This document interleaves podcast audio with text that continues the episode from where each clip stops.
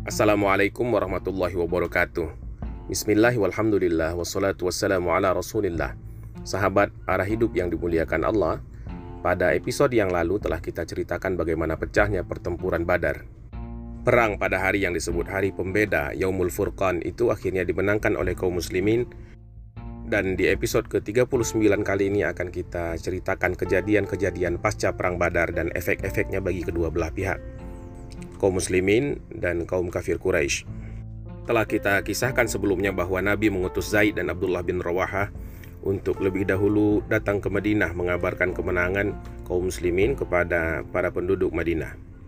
Rata-rata penduduk Madinah benar-benar gembira mendengar kabar itu, kecuali kaum munafik dan orang-orang Yahudi.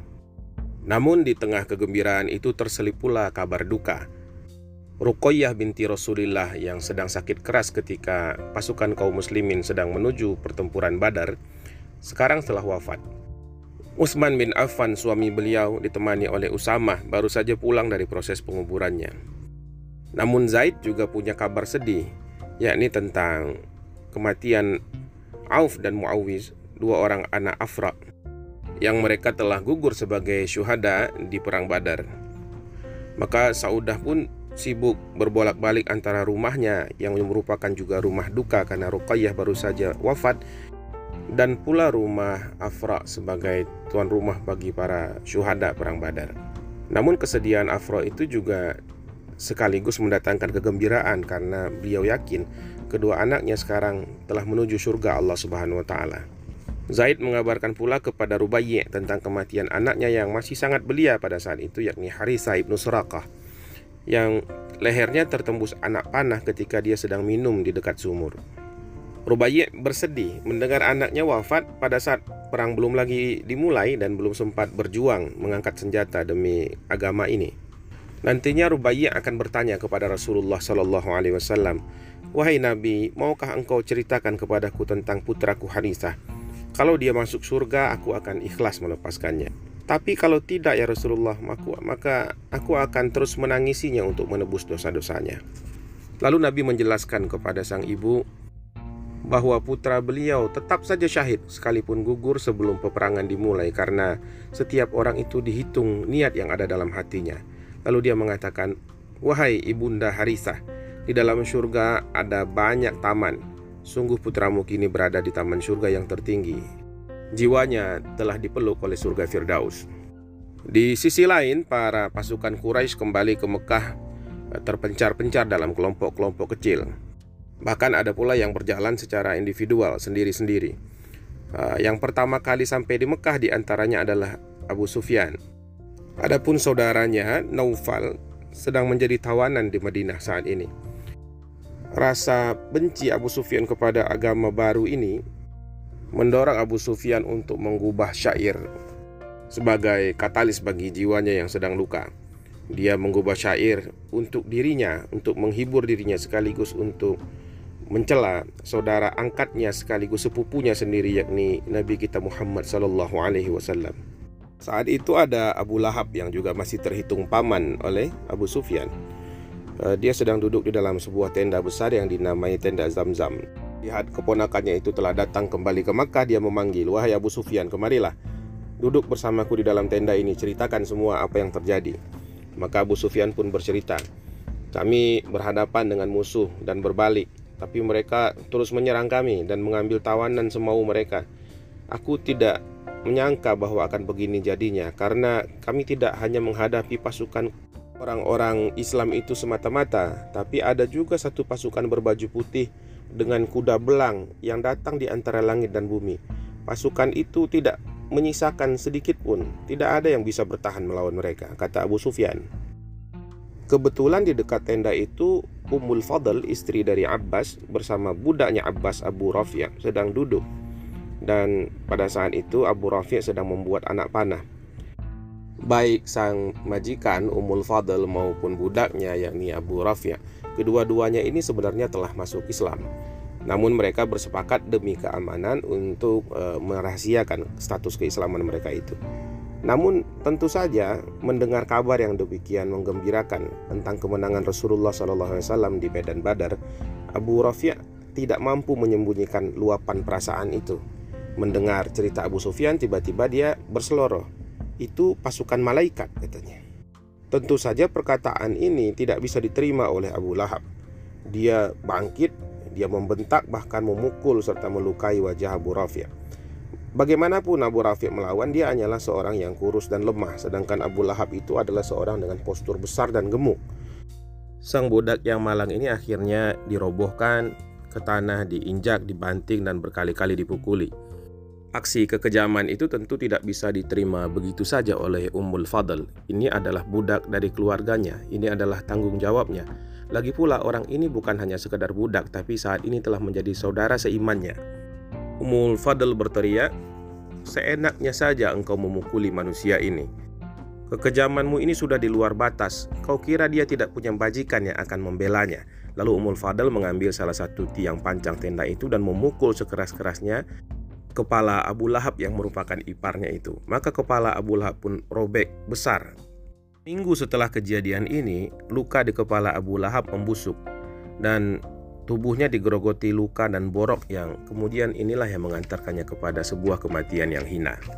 Ketika mayoritas orang yang kembali dari Badar sudah tiba di Makkah, maka diadakanlah majelis. Pasca kematian tokoh-tokoh besar Quraisy, maka secara alamiah mereka seolah-olah bersepakat bahwa kepemimpinan sekarang ada di tangan Abu Sufyan. Majelis itu pun kemudian menyepakati bahwa mereka harus menahan diri terlebih dahulu. Keluarga dan karib kerabat orang-orang yang tertawan diminta agar menunda dulu, jangan menebus anggota keluarganya yang sedang ditahan di Madinah. Hal ini dicontohkan sendiri oleh Abu Sufyan, di mana dia menyampaikan di tengah-tengah kalayak itu bahwa dia pun merupakan korban karena Hanzalah dan Amr putranya satu tewas terbunuh di perang Badar dan satu lagi menjadi tawanan. Dia berkata, "Apakah aku harus kehilangan darah dagingku sekaligus kehilangan harta bendaku?" Sudah mereka bunuh Hanzolah, lalu apakah aku harus menebus Amr, menyerahkan hartaku ke sana demi mereka? Biarkan sajalah dia tinggal bersama mereka di sana. Biar mereka terus jaga anak itu sesukanya. Di sampingnya, Hindun, seorang wanita yang sangat sengit, dia bukanlah ibu kandung Hanzolah juga bukan ibu kandung Amr tapi dia pada peperangan Badar kehilangan ayahnya Utbah bin Rabi'ah sekaligus pamannya Syaibah bin Rabi'ah dan juga kehilangan saudaranya Walid bin Utbah. Hindun bersumpah kalau nanti Quraisy melakukan pembalasan dendam kepada tentara muslim dia akan merobek dada pembunuh paman dan ayahnya itu dan akan mengunyah jantungnya Sementara itu kafilah dagang yang dipimpin Abu Sufyan sudah tiba di Mekah dengan selamat dan disepakati pula dalam majelis bahwa seluruh keuntungan yang diperoleh dari eh, rombongan dagang itu akan digunakan untuk membentuk satu pasukan yang sangat kuat agar tidak dapat lagi dikalahkan oleh musuh mereka di Yasrib. Bahkan mereka sudah berencana melibatkan para wanita untuk ikut serta dalam peperangan kedua nanti untuk menjadi penyemangat bagi para pasukan yang akan bertempur. Orang-orang Quraisy ini pun mengutus beberapa delegasi ke berbagai sekutu mereka di seluruh penjuru Arab meminta untuk uh, mereka bergabung bersama kaum Quraisy melawan Nabi Shallallahu alaihi wasallam. Orang-orang itu diyakinkan dengan berbagai argumentasi bahwa uh, Nabi adalah ancaman dan bisa dianggap sebagai common enemy bagi mereka semua di tanah Arab. Namun soal keputusan majelis uh, perihal penundaan pembayaran tebusan karib keluarga yang sedang ditahan di Madinah, kebanyakan orang Quraisy tidak mentaatinya. Bahkan hampir tiap suku dari orang-orang Quraisy mengirimkan utusannya lelaki-lelaki yang membawa tebusan bagi sanak saudara mereka, bagi sahabat mereka atau sekutunya. Abu Sufyan sih tetap bersikeras untuk tidak menebus anaknya. Dia ingin menunjukkan kesungguhan sekaligus menjadikan uh, dirinya teladan bagi yang lain. Tapi akhirnya dia pun menyerah juga pada musim haji dia menangkap seorang jemaah haji yang datang dari uh, arah Madinah, seorang lelaki tua dari Aus dan menyandranya. Dia mengirim pesan bahwa laki-laki itu hanya akan dilepaskan kalau bisa dipertukarkan dengan Amir putranya. Sekarang mari kita lihat pula keadaan di Madinah.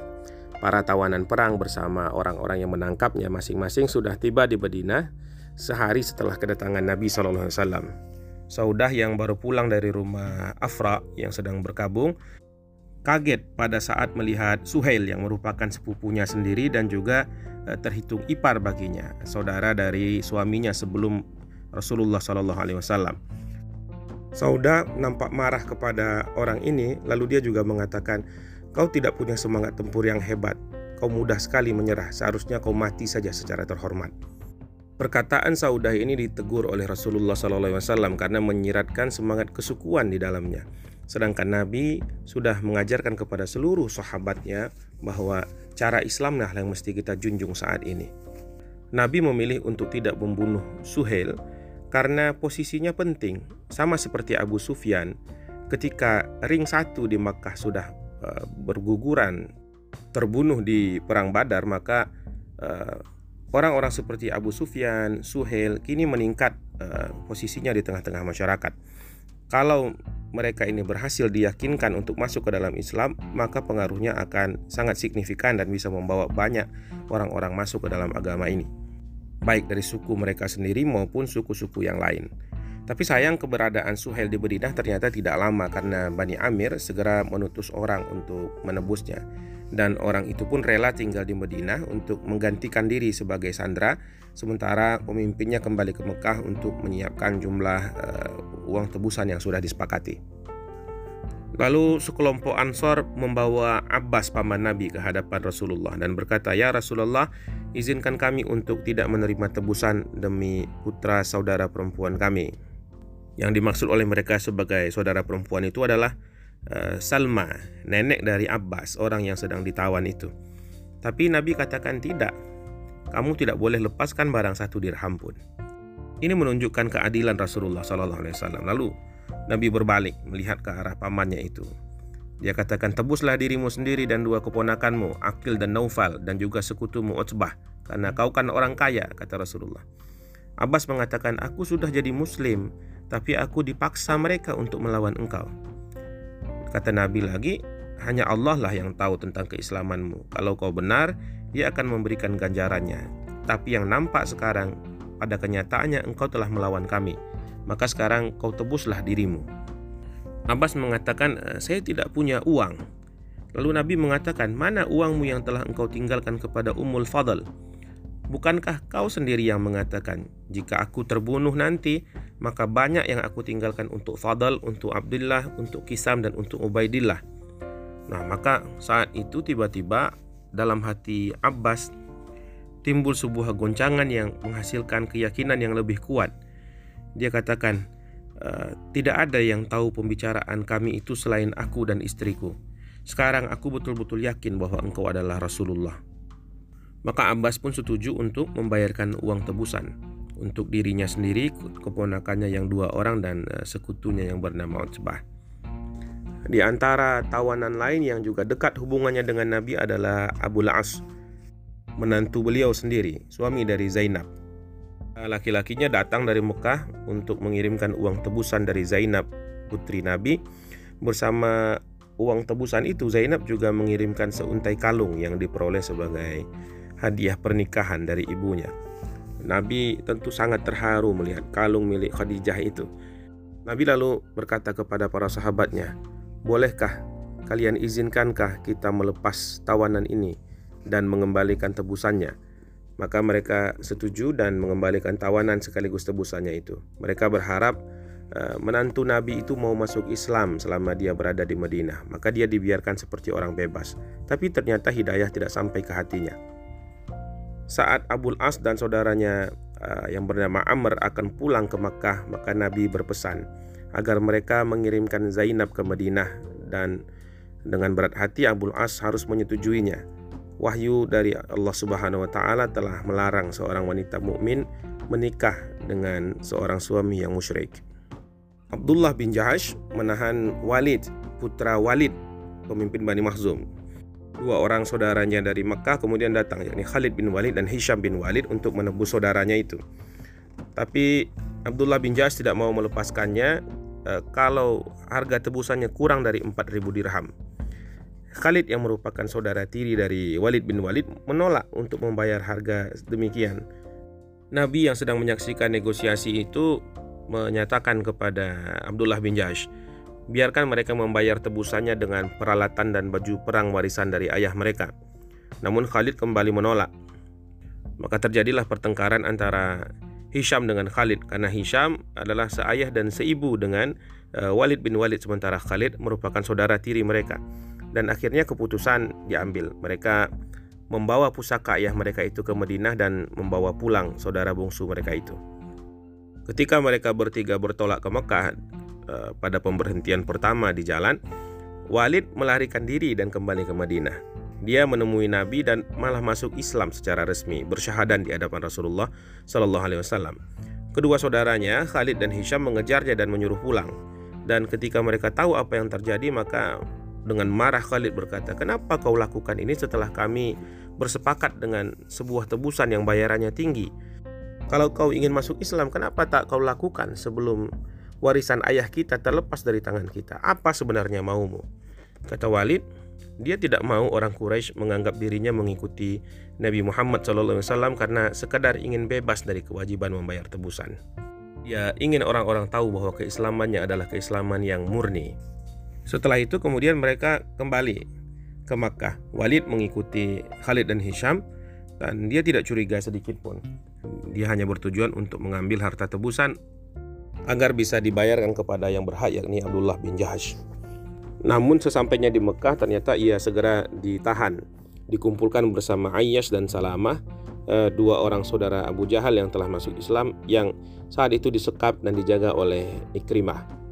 Untuk orang-orang yang disekap di Mekah seperti ini, Nabi tidak henti-hentinya mendoakan keselamatan bagi mereka.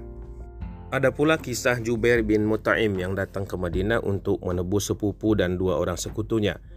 Nabi menyambut orang ini dengan baik, Beliau mengatakan bahwa andai saja ayahnya yakni Mut'im masih hidup dan bisa datang kepadanya pada saat itu untuk kepentingan para tawanan itu maka Nabi akan membebaskan tanpa perlu membayar tebusan apa pun.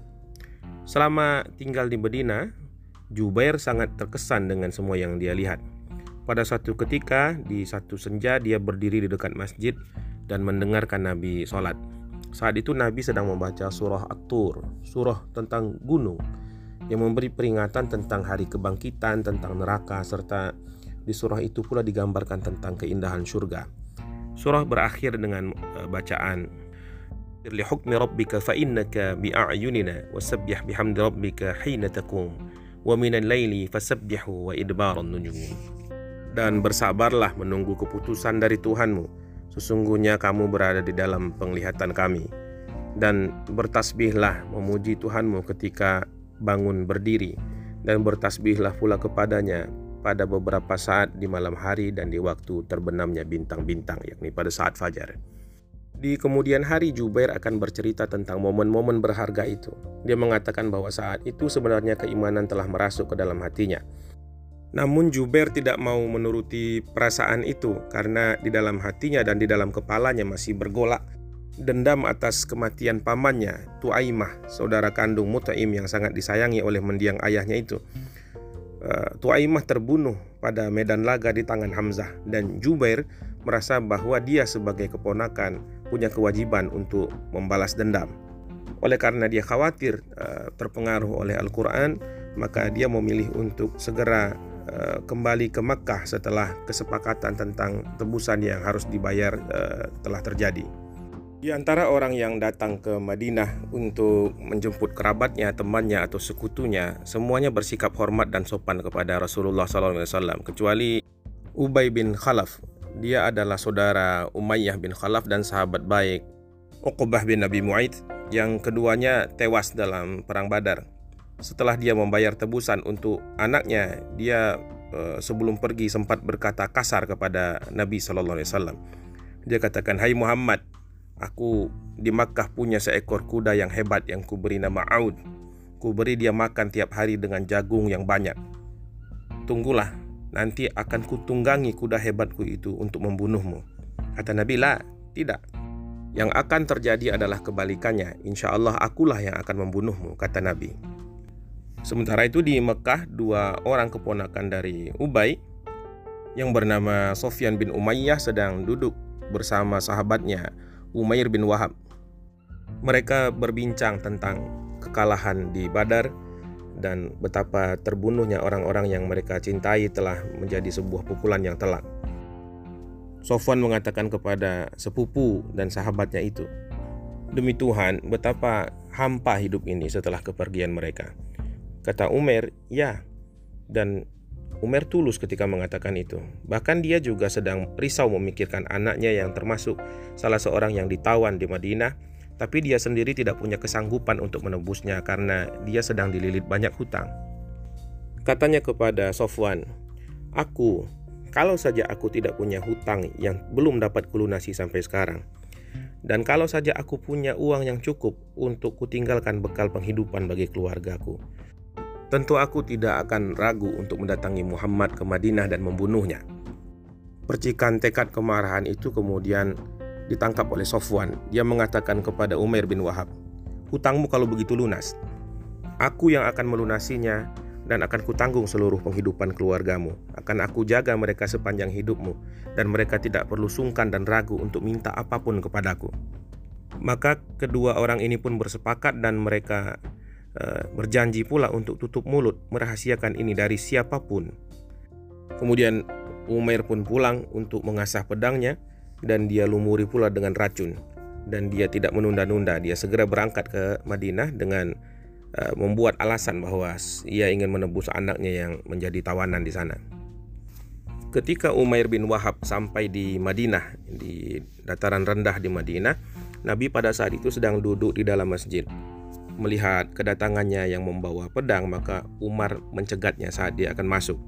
Tapi Nabi malah memanggil dan mempersilahkan uh, dia untuk duduk menghadap. Maka Umar berpesan kepada beberapa orang Ansor yang ada di dekatnya, "Masuklah ikut bersama dia masuk menghadap Rasulullah dan duduk dekat-dekat dengan Nabi. Jaga beliau, jaga baik-baik dari kejahatan yang mungkin akan dilakukan orang ini karena gerak-geriknya sungguh mencurigakan, kata Umar.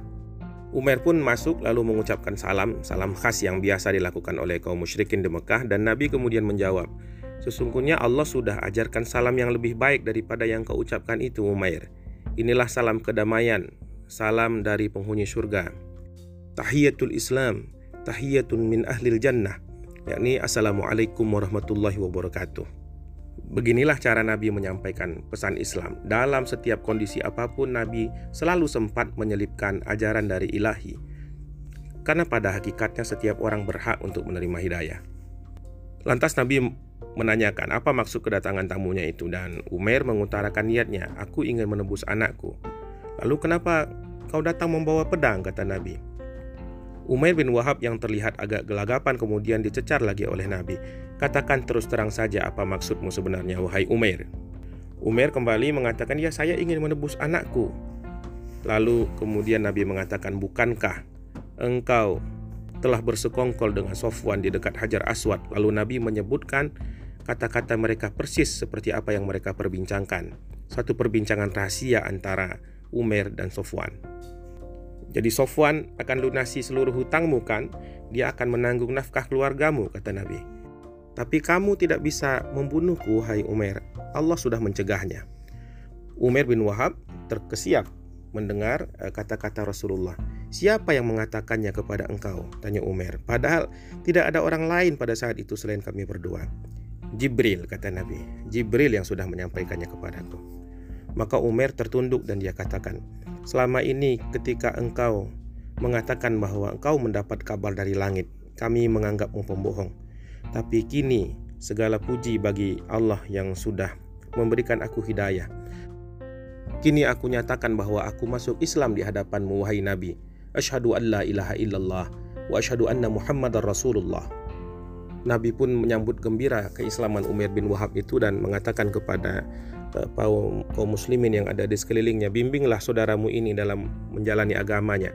Bacakan dia ajari dia ayat-ayat Al-Quran dan lepaskanlah anaknya yang sedang ditawan. Umair yang kini sudah menjadi muslim bersemangat sekali kembali ke Mekah dengan maksud e, berdakwah mengajak saudara-saudaranya yang lain untuk masuk Islam termasuk Sofwan. Nabi memberinya izin dan memang ia nyatanya berhasil membawa mu'allaf baru. Tapi Sofwan sendiri menganggapnya sebagai pengkhianat dan benar-benar tidak mau bicara lagi dengan Umair. Selang beberapa bulan kemudian Umar pun hijrah. Dia memilih untuk tinggal di Madinah. Di Makkah, Abul As yang sudah sampai di sana memberitahu Zainab bahwa dia telah berjanji kepada ayahnya, kepada Rasulullah, untuk mengirim Zainab ke Madinah. Mereka kemudian menyepakati bahwa uh, putri kecil mereka yang namanya Umamah akan dibawa oleh Zainab. Sementara anak laki-laki mereka yang pertama, uh, Ali, sudah wafat waktu kecil dan saat itu Zainab tengah mengandung pula anak yang ketiga. Abul As kemudian menyiapkan segala hal yang dibutuhkan untuk kepindahan istrinya yang tidak lagi menjadi istrinya karena berseberangan iman itu. Dan dia tunjuk pula Kinanah yang akan menjadi pengawal untuk mengantarkan uh, Zainab dan Umamah. Keberangkatan Zainab ini sebenarnya dirahasiakan namun uh, pada saat mereka bertolak, hari ternyata masih cukup terang sehingga eh, orang-orang uh, ada yang melihat dan itu menjadi bahan perbincangan di Mekah. Uh, pada akhirnya beberapa orang Quraisy menyusul mereka dengan maksud akan membawa pulang Zainab ke rumah anak yatim dari Bani Abdi Syams. Rombongan yang akan menghalangi kepergian Zainab ini cukup beringas. Ada seorang uh, Bani Fihir bernama Habbar. Dia berteriak memaki-maki sambil mengacung-acungkan tombaknya ke arah Zainab. Kinanah sang pengawal kemudian turun dari kudanya. Dia ambil busurnya dan maju. Dia katakan, Ah, siapa yang berani majulah hadapi aku akan kutusuk badannya dengan anak panahku ini. Melihat keberanian Kinanah itu orang-orang yang mengepung ini e, mundur ke belakang. Orang-orang yang hadir kemudian meredakan kemarahan Kinanah itu dan Abu Sufyan menyusul ke sana untuk mengajak berunding dan bicara baik-baik. Kinanah setuju dan mendengarkan. Abu Sufyan berkata pada Kinanah, Sebenarnya ini adalah aib besar membawa wanita keluar dari masyarakatnya di tengah-tengah orang banyak. Engkau pasti tahu bencana yang telah didatangkan Muhammad kepada kita. Kalau kau antarkan mereka kepadanya, orang-orang akan melihat ini sebagai simbol ketaklukan kita. Dalam pandangan orang akan terlihat kita sangat lemah dan tak berdaya. Dan aku sama sekali tidak akan menghalangi perjumpaan seorang anak untuk kembali kepada bapaknya Aku juga tidak bermaksud menahan Zainab untuk membalas dendam. Tapi bawalah dulu perempuan ini pulang ke Mekah dan kalau nanti mulut orang-orang sudah berhenti menggunjingkan hal ini dan orang-orang sudah tahu pula bahwa kita pada saat ini tidak membiarkan dia keluar dari Mekah, setelah itu terserah engkaulah. Ingin kau bawa pun dia kepada bapaknya akan aku lepaskan. Jadi sebenarnya bagi Abu Sufyan ini adalah sekadar menjaga gengsi dan martabat orang-orang uh, musyrikin Makkah pada saat itu. Kinanah mendengar bahwa usulan ini cukup rasional dan dia menerima lalu mereka sama-sama kembali ke Makkah. Keberangkatan Zainab ke Madinah terpaksa mengalami delay, lagi pula Zainab jatuh sakit pada saat itu. Dia begitu ketakutan ketika Habbar mengacung-acungkan tombak ke arahnya dan uh, janin yang ada dalam kandungannya pun gugur. Setelah beberapa waktu Zainab sudah pulih, dia kembali sehat.